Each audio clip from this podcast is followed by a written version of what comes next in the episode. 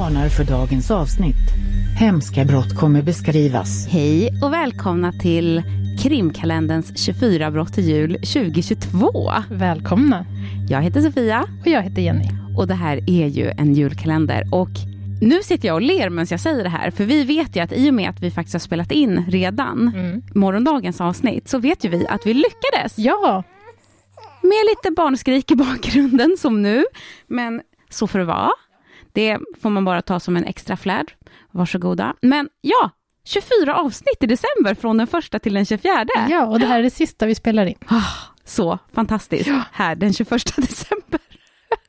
Mittemellan julbak och julklappsinslagning och ja. allt vad det nu är. Och eh, in på Instagram er, om ni inte har förstått det, så ska man in där, för där får man se liksom massa bilder av fallen ja. som vi lägger upp där. Och det tycker vi ger liksom lite extra, ja, det blir lite extra på något sätt att se. Det ju, blir, gör ju liksom fallet lite mer levande, tycker jag. Ja. Och så blir man lite så här, det var han, eller aha, hon såg ut si, eller den här huset såg ut så, eller man får en karta ibland och så vidare. och så vidare. Lite beroende på vad det är för fall. Ja, och ibland är film. Och ibland är lite filmsnutt, ja. Mm. Ni får gärna stötta oss på vår Patreon-sida. Mm. Och då mm. får ni ett bonusavsnitt varje månad, de månader vi inte släpper ordinarie avsnitt. Precis, och man får ju också ta del av de avsnitt som redan ligger där retroaktivt. Och just nu ligger det 19 avsnitt och väntar på dig. Jajamensan. In och bli stöttepelare. Ja, tack. Men idag är det då Jennys, dags för Jennys sista fall. Ja, det är sista det. luckan för Jenny. Ja. Lite vemodigt, men också lite skönt, höll jag på att säga. Men, jo, ja. men det är lite skönt. Framförallt så känner jag just den här uh, lyckan över att vi faktiskt lyckades. Vi, det var ju, I fjol var ju samma sak, där ja. vi bara så här, shit, hur ska vi få ihop det här? Och i år exakt samma sak, där det i båda våras privatliv har varit väldigt, väldigt mycket. Ja. I fjol var det ju för mig i alla fall att det var mer rent jobbmässigt, alltså jag pluggade 50% och jobbade 100. Och så var ah, ska vi göra 24 avsnitt on top of that? Då gjorde vi ju det då. Eh, det var ju jättebra för min stressnivå. Men ändå lyckades vi med det i fjol. I år har det dock varit någonting annat. Det är så här, okej okay, om jag kanske inte får högsta betyg på den här tentan, men det kan inte gå ut över mina privata relationer. Nej. Men vi har lyckats även i år. Ja. Och eh, med privata relationer intakt. Och med mysigt bakgrundsljud. mysigt bakgrundsljud. Vilket faktiskt varit faktiskt väldigt mysigt de gånger fallen har varit jobbiga. Faktiskt, lite så här mys-relief. Och vi har fått lite kommentarer på det. Var det en liten bebis man hörde där i bakgrunden? Svaret är ja på den ja, frågan. Det är min dotter, min purfärska dotter. Även detta avsnitt. Inte imorgon, för det spelade vi in innan hon var ute. Ja, det gjorde vi. Mm. Så nu får ni njuta extra. Eller vad man ska säga. Men nu har vi pratat alldeles för mycket. Vi som brukar smickra oss själva med att vi inte är någon snackispodd. Ja. Nu är vi på, på gränsen till att bli det ändå. Jenny, snälla. Sätt igång. Take it away. Wrestling, en sport som inbegriper både brottning, boxning och annan typ av kamp mellan två personer i en fyrkantig ring. Enligt Wikipedia så heter wrestling fribrottning på svenska, men det är vanligt att man även i Sverige använder det amerikanska uttrycket och det är nog mest det jag kommer använda också. Jag har nog aldrig hört något annat. Jag Nej. tror inte att jag skulle ha kopplat ihop det till wrestling om jag hörde fribrottning. Nej, inte jag heller. Nej. Kör på det. Jag stöttar den anglicismen. Ja, för det är då man ser det framför sig på något sätt, vad det är för någonting. Även om jag inte sett så mycket av det så. Men wrestling i alla fall har rötter i 1800-talet, där det användes som underhållning i cirkusar och karnevaler. En stor del av wrestling är teater. Det gäller att ge publiken en bra show. Brottarna har olika karaktärer, ofta goda eller onda. Och framgångsrika wrestlare kan tjäna stora summor pengar varje match de går. Men får jag ställa frågan då, för i och med att det är skådespel, ja. har man då avtalat sen innan vem som ska vinna eller? Ja, det, nej, inte vem som ska vinna, men det är en blandning mellan improvisation och faktiskt ett manus. Ja, och så undrar jag också, vinner man på att någon faktiskt inte tar sig upp, utan, eller är det typ poäng? Det är väl både och, eh, som jag förstår det. Man kan vinna på poäng. Man kan också vinna på typ knockout, eller vad man kallar det för. Men är det en riktig knockout då? Ja. Okej. Okay. Ja, du vet hur lite jag vet ja, om det här. Och jag med, innan jag gjorde det här så visste jag nästan ingenting. För hela den här säsongen känns det som att både vapen och kokain har vi kommit fram till att jag inte vet någonting om. Nej, inte jag heller, fast nu är vi experter efter det här. Men i alla fall. Den 27 juni 2007 var det dags för just en sån match i Houston, Texas. I den ena ringhörnan stod CM Punk, en ung wrestler. Han skulle dagen till ära få tävla mot Chris Benoit. Chris var inte vem som helst. Han hade varit framgångsrik i många år och var ett välkänt namn bland fansen. Matchen de skulle gå mot varandra handlade om vem som var allra bäst i världen. Det handlade alltså om matchen för att bli vinnare eller förlorare. Världsmästare eller värdelös tvåa.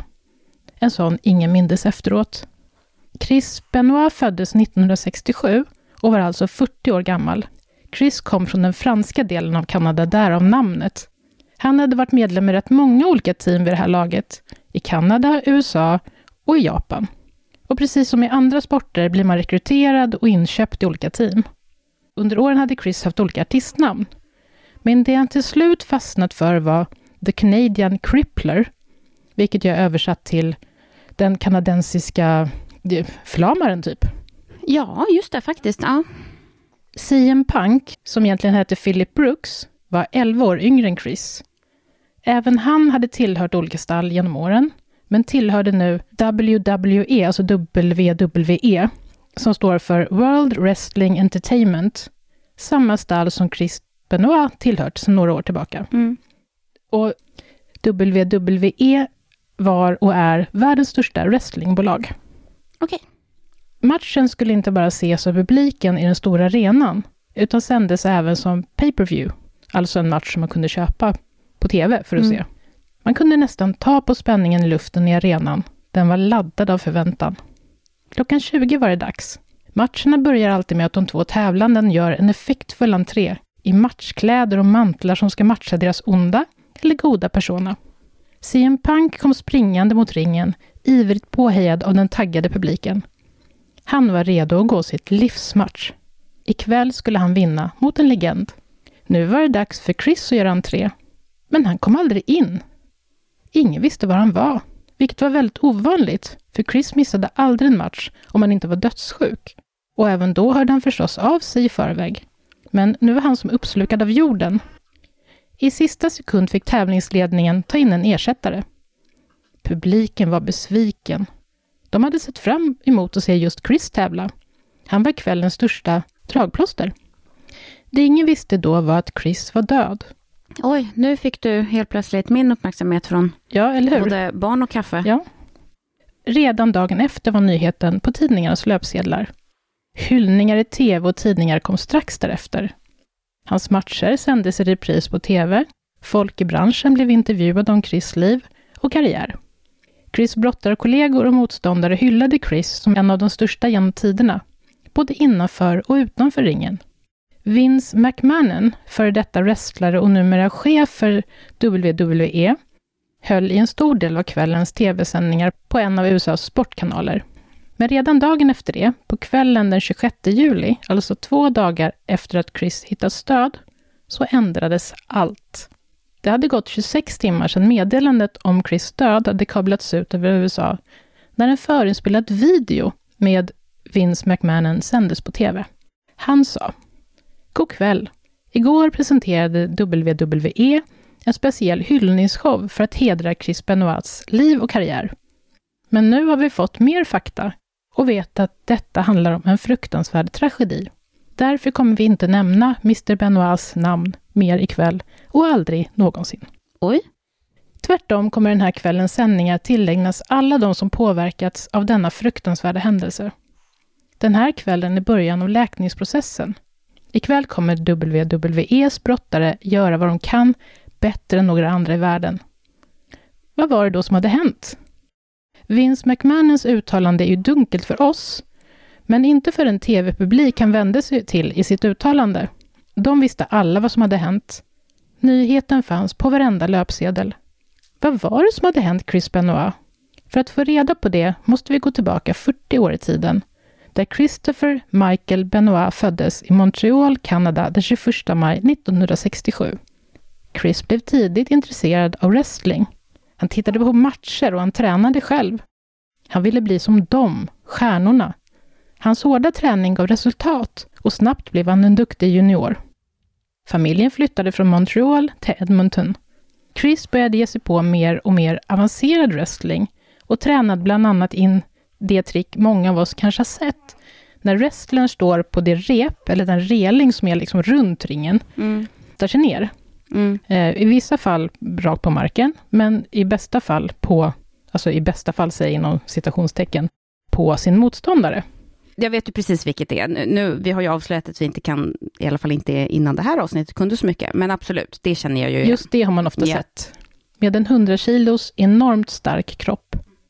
Men som i så många sporter var en vältränad kropp inte gratis. Chris började ta steroider för att kunna träna sin kropp över den naturliga gränsen för vad som var möjligt vad gällde muskelbyggnad. Chris kontrakterades av ett wrestlingbolag, det välkända Hart Family Dungeon, år 1985. Han var då 18 år gammal. Ung. Han blev, ja precis, han var proffs väldigt tidigt. Eller det, det vet inte jag i och för sig. Det kanske är... Det känns rent kroppsligt som att man inte knappt är vuxen i kroppen. Och Ja, han har liksom byggt visst. enormt mycket muskler. Visst. Och det betyder också att han börjar med, med anabola steroider. Väldigt tidigt. Ja. Tre år senare, som 21 år, gifte han sig med sin ungdomskärlek Martina, som han fick två barn med.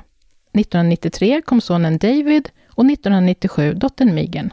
1989 bytte han agent, eller wrestlingsbolag, och åkte till Japan.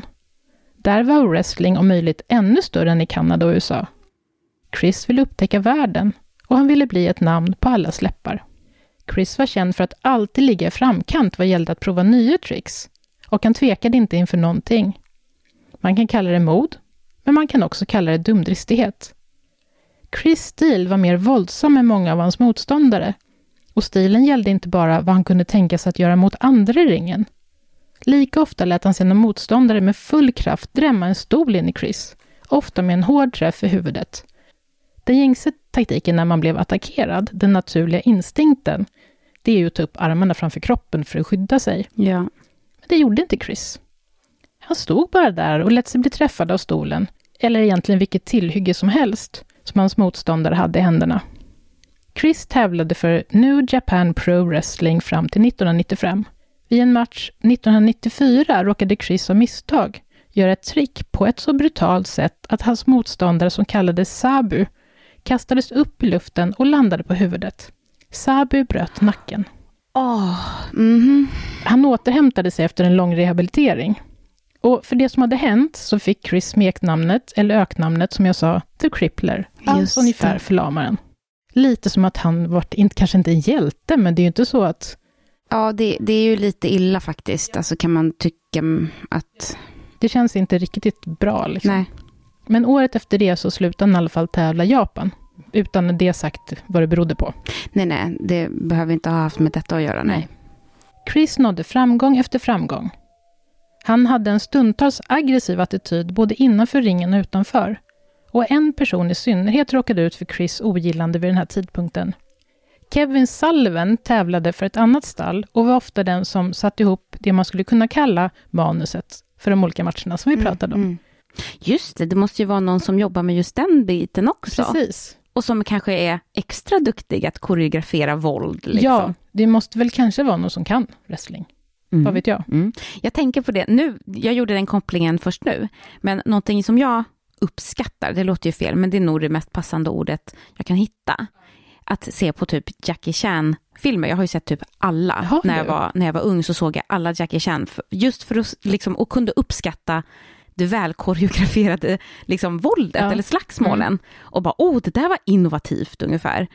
Och sen så när någon gör riktigt illa sig, eller när man ser någon, alltså kniv, knivar och sånt kunde jag absolut inte se, men Nej. du vet, sparkar och, och, och, och slag var så här, åh vad coolt! Nej, jag vet inte hur jag ska förklara det här Nej, utan att jag låter helt sjuk. Fast jag förstår, jag har aldrig sett, vad jag kommer ihåg, någon Nej. film med honom, men däremot har jag sett en film som jag minns, som heter Couching Dragon, hmm, hmm, hmm, någonting sånt. Eh, Eller Hidden- Tiger, Hidden Dragon. Just det, som jag tyckte var fantastiskt, för där var liksom den här kampsporten som en dans nästan. Ja men det är precis, precis så. Du, Ja. okej, du, jag, jag lät som en, som en seriemördare när jag sa hur, eh, liksom, men, men du förklarar mycket bättre. Ja, precis så. Och då kan jag nu förstå kanske tjusningen med wrestling på ett annat sätt, för det, för det är ju då det är just det koreograferade på något vis. Och nej, jag vet inte, det är dansen. Dansen, du, du sa det väldigt bra tycker jag. Ja, och det man kanske skulle vilja ta bort då, eller som jag skulle vilja ta bort, som är kanske min personliga åsikt, den del som inte är koreograferad, som gör att folk bryter nacken. Ja, Så. just eh, nackesbrytningar känns, känner jag att jag kan vara utan. Ja, men åter till den här Kevin. I centrum av Chris och Kevins konflikt stod Nancy, Kevins Mhm. fru. Mhm. Det var på ett mer personligt plan alltså. Än... Ja, och hon var också känd, jag vet inte riktigt varför, men hon var känd och beskrivs som en hård och hänsynslös kvinna när hon var med i offentliga sammanhang. Men liksom rent privat var hon världens snällaste och jätteomtyckt. Så det här var en persona som hon hade när hon, vad hon nu gjorde. Hon var med mycket i TV. Trots de båda männens rivalitet i ringen och utanför tänkte Kevin att det här ändå var någonting de kunde tjäna pengar på. De skulle kunna ta teatern och spelade i ringen även till utsidan. Han tänkte att han och Chris kanske skulle kunna begrava stridsyxan privat och börja samarbeta istället. I det offentliga skulle de fortfarande vara bittra fienden. Och den lite annorlunda metod Kevin tänkte på, det var att Chris och Nancy skulle kunna ha en låtsasaffär. Alltså Chris skulle då ha en låtsasaffär med hans fru. Det skulle bli en nervkittlande upplevelse för publiken att se Kevin slåss mot Chris i ringen efter att de hade fått veta att Nancy var otrogen mot Kevin med Chris. Alltså jag förstår ju hur de tänker, bara det att man kanske inte vill blanda i ens privatliv, alltså för då tror ju folk helt plötsligt att, om de på riktigt tror att det har hänt. Det, och det är en rätt stor grej att göra för att det ska bli mer spännande matcher, det kan jag tycka. Men, Mm. men hans plan var då, eller hans tanke var att den här fejkade affären skulle efterhand eskalera till att Nancy och Chris visade sin kärlek mer offentligt. De skulle diskret hålla handen under tv-sändningar och se till att synas tillsammans på olika restauranger i stan. Aha, okej, så han, han har en liten Han har en, liksom, en hidden ja. agenda. Och Chris och Nancy hakade på. De tyckte också att det var en bra idé. Nej. Jo. Jaha, jag trodde att de skulle bara, nej, du är sjuk i huvudet. Ja, nej, de tyckte att det här låter också bra för våra karriärer. Som en dramatisk kittlande spin-off till en teater de spelade i ringen. Men det som hände var ju då att de blev förälskade på riktigt. Mm. Var det lite det han hade hoppats på, eller? Nej, Nej, Nej. inte. inte. För det var ju, jag tyckte att det var så det lät. Att han liksom kom med den här idén. För att typ bli Just av för med att, henne. ja. Nej, det verkar inte så. Nej. Så Nancy skilde sig från Kevin och Chris från Martina. Inte snart därefter så flyttade Chris och Nancy ihop i Nancys lägenhet. I februari år 2000 fick Nancy och Chris sonen Daniel och nio månader senare så gifte de sig. Att Chris så att säga tagit Nancy ifrån Kevin var inte bra för deras arbetssituation. Chris sökte sig till ett annat stall, det vill säga det var då han bytte till WWE. Mhm, ja. Fyra år senare nådde Chris den hittills högsta punkten i sin karriär. Han fick tävla i Madison Square Garden i New York. Inför tusentals åskådare vann han världsmästerskapen i tungvikt. Nancy var där med deras son Daniel och Chris son David, som hon alltså hade från äktenskapet med Martina. När matchen var vunnen så sprang Nancy och sönerna ner till ringen för att krama om Chris, samtidigt som fyrverkerier lyste upp kvällshimlen. Och det var lätt att tro att Chris och Nancy var ett harmoniskt och förälskat par. Men det såg annorlunda ut innanför hemmets fyra väggar. Året innan, 2003, hade Nancy ansökt om skilsmässa. Chris var våldsam. Han gjorde illa henne och ibland förstörde han deras hem genom att kasta deras tillhörigheter i väggar, riva ner tavlor och kasta runt möbler. Vid ett tillfälle var Nancy så rädd att hon gick till rätten för att få ett besöksförbud utfärdat. Men som i så många fall av misshandel lyckades Nancy inte bryta sig fri och lämna. När hon ansökte om besöksförbudet och skilsmässa vände sig Chris till Nancys syster Sandra. Han bad Sandra tala Nancy till rätta så att hon inte skulle ta ut skilsmässa. Och Sandra tog Chris parti. Trots allt menade hon på så hade Chris aldrig slagit Nancy. Allt han hade gjort var lite skrikande och så hade han knuffat in Nancy i en bokhylla en gång. Ingen big deal. Inte misshandel, eller hur? Mm. Du hör min ironiska röst. Jo, det är klart att jag gör det. Och jag känner det där, när man har en podd om true crime, Ja. och man hör om, om våldsamheter, så ibland så måste jag, känner jag, förankra det i verkligheten. Och då blir det så här, nej, han, det var inte ett knytnäveslag. Men om jag hade varit gift med en man som knuffade in mig i en bokhylla, hur hade jag tagit det då? Jo, det hade jag tagit det ganska hotfullt och jag hade tagit det ganska illa och icke-kärleksfullt. Ja. Helt enkelt. Eller om en kompis kommer till mig och bara, mm, men min man knuffade in, ja, mm, hur hade jag reagerat då? Nej, du, ja, som sagt, det, det är inte full on, han står och liksom hamrar dig i huvudet, men nej, extremt inte okej. Okay. Men efter ett långt samtal mellan då Sandra och hennes syster Nancy, gick Nancy med på att göra ett nytt försök med Chris, och Chris fick flytta hem igen. Nancy och Chris var ofta oense om Chris jobb. Nancy tyckte att Chris borde skala ner lite på sin arbetstid. Han hade ju tre barn nu. Han borde vara en närvarande pappa. Men för Chris var jobbet allt. Det var viktigare än familjen. Och det gick liksom inte att göra det halvdant. Antingen så tränade man och tävlade dygnet runt för att bli bäst. Mm. Eller så gjorde man det inte. Att börja liksom träna halv, halvt. Att börja träna halvt, det, det funkar inte. Jag kan också tänka mig att wrestling är lite en sån grej att du måste liksom vara uppe på toppen för att kunna leva på det. Annat så blir det typ som att det ger lite fickpengar men du måste ha ett annat liksom, eh, jobb till vardags. Ja, precis och, så. så. vill man vara på toppen då måste man satsa ganska hårt. Ja, och det ger nog inte heller den här mentala kicken och ligga någonstans liksom i mitten. Mm. För det är väl en, ett behov som flera av de här, många av dem, mm. har, tänker jag. Ja. Men Chris karriär fortsatte att gå som på räls. Han förlorade världsmästartiteln, men förutom att det var ett liksom, personligt nederlag för honom så påverkade det inte hans karriär. För Chris tricks och utstrålning var någonting publiken ville ha, oavsett om han var världsmästare eller inte. Han var lättad över att skilsmässan hade dragits tillbaka. Nancy och barnen var faktiskt viktiga i hans liv. Men en ännu viktigare person var troligen Eddie Guerrero. Eddie var också en wrestler. Han var även Chris bäste vän. De båda var jämngamla. Och Eddie hade precis som Chris påbörjat sin karriär i väldigt ung ålder. Eddie hade även haft fördelen att vara son till en välkänd wrestler som varit en av pionjärerna inom sporten. Eddie känd både för sin teknik och sin enorma karisma. Men så slog tragedin till. Den 12 november 2005 bodde Eddie på hotell i Minneapolis i Minnesota. Han var där för att tävla. Men när Eddie inte svarade telefonen när hans brorson ringde för att väcka honom blev brorsonen orolig. Eddie var alltid punktlig till träning och tävling. Disciplin var A och O i den här branschen. Brorsonen kontaktade receptionen på hotellet som gick upp till rummet. Och när Eddie inte öppnade när de knackade på så låste de upp rummet med huvudnyckeln. Till sin förfäran hittade de Eddie medvetslös på golvet i badrummet. Intill honom låg hans tandborste. Under tiden ambulansen var på väg mot hotellet så dog Eddie. Han blev 38 år gammal. Oj, det är ingen ålder. Nej. Och efter en obduktion så visade det sig att han hade dött av någon typ av hjärtfel. Okej. Jag trodde först när jag läste källorna att det var mord. Att det var det här det handlade om. Men icke. Det... Jag älskar att du inte visste vad det var för ett fall. Ja. jag fastnade från början för att det var liksom wrestling, wrestling för ja. att det är någonting vi inte har gjort förut. Ja. Chris var mer förtvivlad än han varit hittills i sitt liv.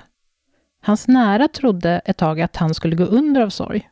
Chris var en man som i alla fall utåt inte visade några känslor.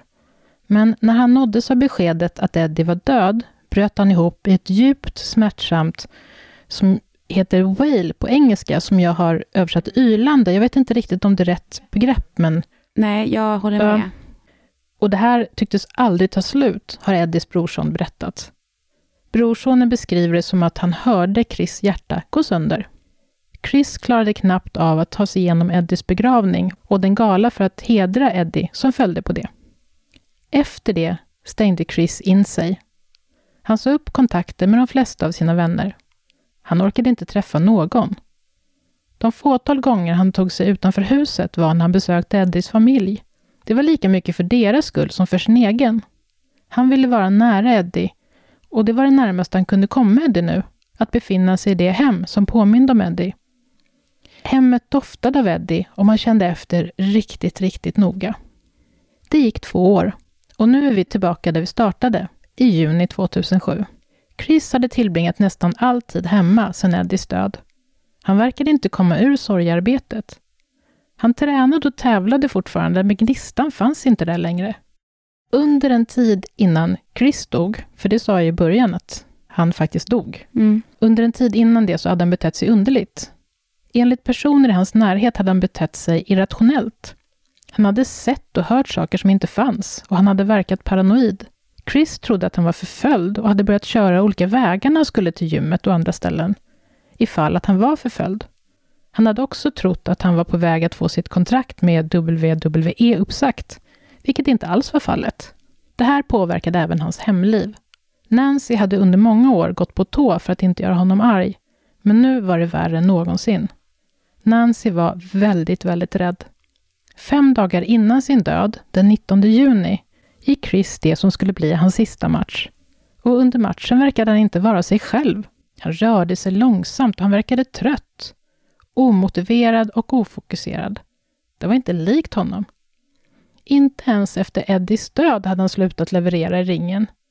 För wrestling var det sista han hade haft kvar. Sitt jobb som var så mycket mer än ett jobb.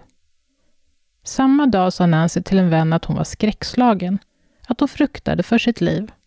Hon sa även att om någonting hände henne skulle vännen prata med polisen och peka dem i Chris riktning. Den 22 juni, två dagar innan sin död, åkte Chris till sin läkare. En läkare med tvivelaktig yrkesstolthet och moral. Han skrev som vanligt ut steroider och starka smärtstillande till Chris. Mm. Det hade han gjort i många år. Och det var delvis tack vare honom, och på grund av honom, som Chris lyckats få den fysik han hade och även klarat att ta all smärta han utstod i ringen. På ett foto från det besöket, för tydligen så var den här läkaren väldigt stolt över sina kända kunder. Mm. Så han tog ofta foton av dem. Eh, Och på ett foto från det besöket kunde man se att Chris har en väldigt frånvarande blick. Men den kvällen tycktes allt vara rätt harmoniskt, till skillnad då från de senaste dagarna där allting hade verkat lite upp och ner. Mm. Chris och sonen Daniel stod vid familjens pool och grillade middag tillsammans. Men det lugnet skulle snart ändras till tragedi. På natten misshandlade Chris Nancy i deras sovrum. Nancy hade ingenting att sätta emot. Snart låg hon i en pool av blod. Åh. Chris knöt ihop hennes fötter och händer så att den inte skulle kunna fly. Han satte sin fot på hennes rygg och band en tv-kabel runt hennes hals innan han ströp henne till döds. Åh, fy. Ja. Chris rullade in Nancys kropp i en filt och la en bibel in till hennes sönderslagna huvud. Sen gick han in i Daniels rum. Nej, nej, nej, Eh, nej, nej, nej. Och jag kommer inte gå in på detaljer och jag säger inte här som någonting förmildrande. Men någon gång under kvällen hade han givit Daniel en stor dos av Xanax, Xanax som är en slags lugnande medicin som också är sövande. Mm. Så att när han gick in i Daniels rum så sov Daniel och sen ströp han honom. Nej, det är ju verkligen inte förmildrande att han liksom på något vis var schysst, utan Nej. jag ser det ju snarare som att det visar ju på att det var planerat, känner jag. Ja, och det är så fruktansvärt så jag går inte in på fler detaljer än så. Tio timmar senare fick en släkting till Chris, som heter Chavo, ett telefonmeddelande från Chris. Chris sa att hans familj blivit matförgiftade, så han behövde vara hemma och ta hand om dem. Senare den kvällen pratade de i telefon och Eddies släkting, som kan ha varit hans brorson, det vill säga han som upptäckte det här på hotellet, att, att Eddie inte svarade den natten som han dog. Han fick också ett meddelande och tyckte att Chris lät väldigt märklig. Mhm. Avtrubbad och luddig. Kanske var han också påverkad av den här magsjukan. Eller så hade han tagit någon typ av drog. För han tog ju som sagt starka smärtstillande. Och det visste säkert folk i hans närhet Ja, visst. om. Ja. Mm. På morgonen den 23 juni, dagen innan den dag Chris skulle gå sin match mot CM Punk, fick flera personer inom WWE textmeddelanden från Chris. Det första meddelandet löd Hundarna är instängda i poolområdet. Sidan på garagedörren är öppen. Nästa meddelande löd Jag bor på 130 Green Meadow Lane i Fayetteville, Georgia. Mhm. Och samma meddelande sändes en liten stund senare från Nancys telefon. Men ingen verkar ha reagerat på de här meddelandena. Ingen gjorde någonting. Inte först dagen efter matchen, alltså ett dygn senare, så ringde någon polisen i Fayetteville. De åkte hem till familjen Benoits hem. Polisen hade svårt att ta sig in i huset eftersom hundarna som hade varit utstängda mer än ett dygn skällde väldigt mycket. Mm. Och de visste liksom inte om de var aggressiva eller Just det. de knackade på hos en granne som visste att det skulle inte vara några problem med hundarna. Deras läten var inte aggressiva, utan helt enkelt en reaktion på att vara utestängda ensamma. Mm. Grannen hjälpte till att ta bort hundarna och blev av en mycket oklar anledning ombedd att gå själv in i huset och kolla att allt var okej. Va? Det, här, det är ju jättemärkligt. Men så var det i alla fall. Men allting var inte okej. Bara någon minut efter att grannen gått in genom ytterdörren hörde poliserna henne skrika av Mm. Innan de kom rusande och i princip kastades ut ur huset. Hon hade hittat Daniel. Mm. Nu gick i alla fall poliserna in och hittade Nancy och Daniel. Efter det hittade de Chris döda kropp i gymmet i husets källare. Han hade strypt sig själv i en av sina styrketräningsmaskiner med hjälp av de tyngsta viktskivorna han hade och en vajer. Mm. När det stod klart att Chris inte hade dött i en tragisk olycka eller någonting liknande och det han hade gjort stod klart, började såklart teorierna om varför florera. Och det var alltså nu som den här ansvariga, eller chefen för WWE, gick ut med att, ja, oj då, hyllningarna vi hade igår med, Vi tar tillbaka det. vi tar och- tillbaka ja. det. Vi ska aldrig mer nämna hans namn. Nej, och det förstår jag ju nu då. Mm. Ja. De här teorierna handlade om att var det steroiderna som hade fått honom att göra det? Att de hade förändrat hans personlighet och gjort honom till ett ursinnigt monster? Han hade inte bara tagit steroider under princip hela sin karriär. Han hade tagit enorma mängder, större än de flesta andra som brukar steroider. Läkaren som hade skrivit ut recepten ställdes inför rätta. Han åtalades för 175 fall av otillåten utskrivning av recept. Bra. Mycket bra. Och år 2009, två år efter att Chris mördat sin familj och begått självmord, erkände sig läkaren skyldig och blev dömd till tio års fängelse.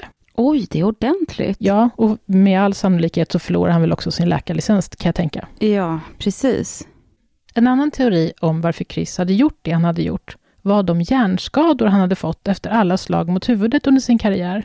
Vet du vad, det där, jag tänkte nästan ha frågat om det var någonting man diskuterade om du inte hade tagit upp det. Mm. Minns du det här fallet med Aaron Hernandez, som var någon så amerikansk fotbollsspelare, Nej. som var typ jättehyllad och så blev han typ seriemördare. Jag tror att han mördade tre personer eller var inblandad i tre, men det var, Oj. det var alltså verkligen helt tokigt. Och det, det, det var ett ganska stort fall för några år sedan bara.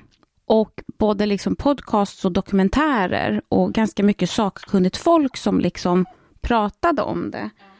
Och då en av dokumentärerna hade väldigt mycket den, den eh, infallsvinkeln, att man pratade om det här med diskussionen kring vad skallskador kan göra med människor. För det är ju också en sport där man får väldigt mycket slag mot kroppen och inte minst huvudet, amerikansk fotboll. Ja. Jätteintressant. Nu, nu, Ja. har, nu sitter jag och med båda öronen jätteöppna. Ja. Vad intressant. Ja, fortsätt. Och precis som du sa, de här typen av skador kan leda till aggression, personen kan bli avtrubbad, deprimerad och det kan till och med leda till demens. Mm. Efter Chris död hade hans kropp obducerats, inklusive hans hjärna. Och det visade sig att hans hjärna var så illa skadad att den kunde jämföras med en 85-årig demenspatient. Nej men gode tid. Alla de där stolarna mot skallen. Ja, visst. Han hade Fy. skador på alla delar av hjärnan och hjärnstammen också. Och hjärnan var full av döda hjärnceller. Mm. Utöver de här två teorierna om vad, vad det kan ha berott på, så fanns det också konspirationsteorier. Och nu kommer jag tillbaka till det vi pratade om, den här Kevin Sullivan, alltså Nancys för detta man. Ja, det ante mig du. Ja, att de tänkte att det var han som hade mördat familjen som en hämnd för att Chris, så att säga, snott Nancy från honom. Mm. Det vill säga att han hade mördat Chris också. Och att Chris alltså inte alls var den skyldige. Men det här var en konspirationsteori som har avskrivits. Ja. Mm. Den 14 juni 2007 begravdes Nancy och Daniel. Kyrkan var full av sörjande släktingar och vänner. Även Chris begravdes, utan deltagande sörjare, långt därifrån, och han begravdes på en okänd plats. Är det sant? Jag ska avsluta den här berättelsen med ett svar som Paul Heyman gav en journalist. Paul Heyman är en legendarisk och aktad agent inom wrestling. Han svarade på frågan om vad han tror var orsaken till det som hände. Om det var steroiderna, eller om det var hjärnskadorna, eller både och. Citat. Man kan beundra det Chris Benoit gjorde i ringen hur mycket som helst. Han var en skicklig wrestler. Men privat gjorde han oförlåtliga saker. Jag bryr mig faktiskt inte om frågan om huruvida det var steroider eller slag mot huvudet som fick Chris att göra det han gjorde. Att ta steroider och wrestla på det skadliga sätt som Chris gjorde, det var hans val. Ingen annans. Hans fru och son gjorde inte det valet åt honom. Vad som än var orsaken till att Chris mördade sin familj spelar ingen roll. De som säger att det spelar roll, de kan dra åt helvete. Det finns ingen annan att skylla på här än Chris. Mm. Två oskyldiga människor är döda på grund av Chris. Oavsett anledningen var det han som mördade dem. Mm. Och det var slutet på historien om Chris Benoit och hans familj. Och just det där tycker jag är väldigt intressant. Att han menar på att det faktiskt var Chris som gjorde valet. Att ta steroider och att hålla på med wrestling och få slag i huvudet. Det enda jag har att säga om det som skulle kunna vara ett motargument Ja. är ju att kunskapen kanske inte riktigt har funnits om vad skador mot huvudet kan innebära. Det. Steroider däremot känns det som att det, men det är ganska vedertaget ändå, att man kan bli aggressiv. Liksom. Men utöver just den parentesen då, jätteparentes, ja, det är ju inte som att jag bortförklarar Chris handlingar, S- för det ligger ju väldigt, väldigt mycket i, i det. Mm. Att ja, oavsett vad det var, liksom, så, så är det ju inte det som bär skulden, utan det är ju Chris. Ja, För det är ju just det, att det är ju inte alla som tar steroider som faktiskt går och mördar sin fru och sitt barn på, på det fruktansvärda sättet. och så är det ju. Och som sagt, det var han som gjorde valet att ta steroider. Och hänger sig åt en sån farlig sport. Ja. Mm. Så ja, det var det. Fry, så fruktansvärt sorgligt. Jätte, jättesorgligt. Men också som, som du sa, att det, så här, åh, det som fångade dig var just att det var den här wrestlingkulturen. Och det var ganska intressant att höra om och jag fick lära mig lite grejer också. Det fick jag också. Jag ska försöka koncentrera mig på det och inte de hemska morden. Nej. Men ja, vi kanske ska säga så för idag. Så hörs vi igen imorgon när det är julafton. Julafton! Ha det bra tills dess. Ja, ha det jättebra hörni. Hej då. Hej då!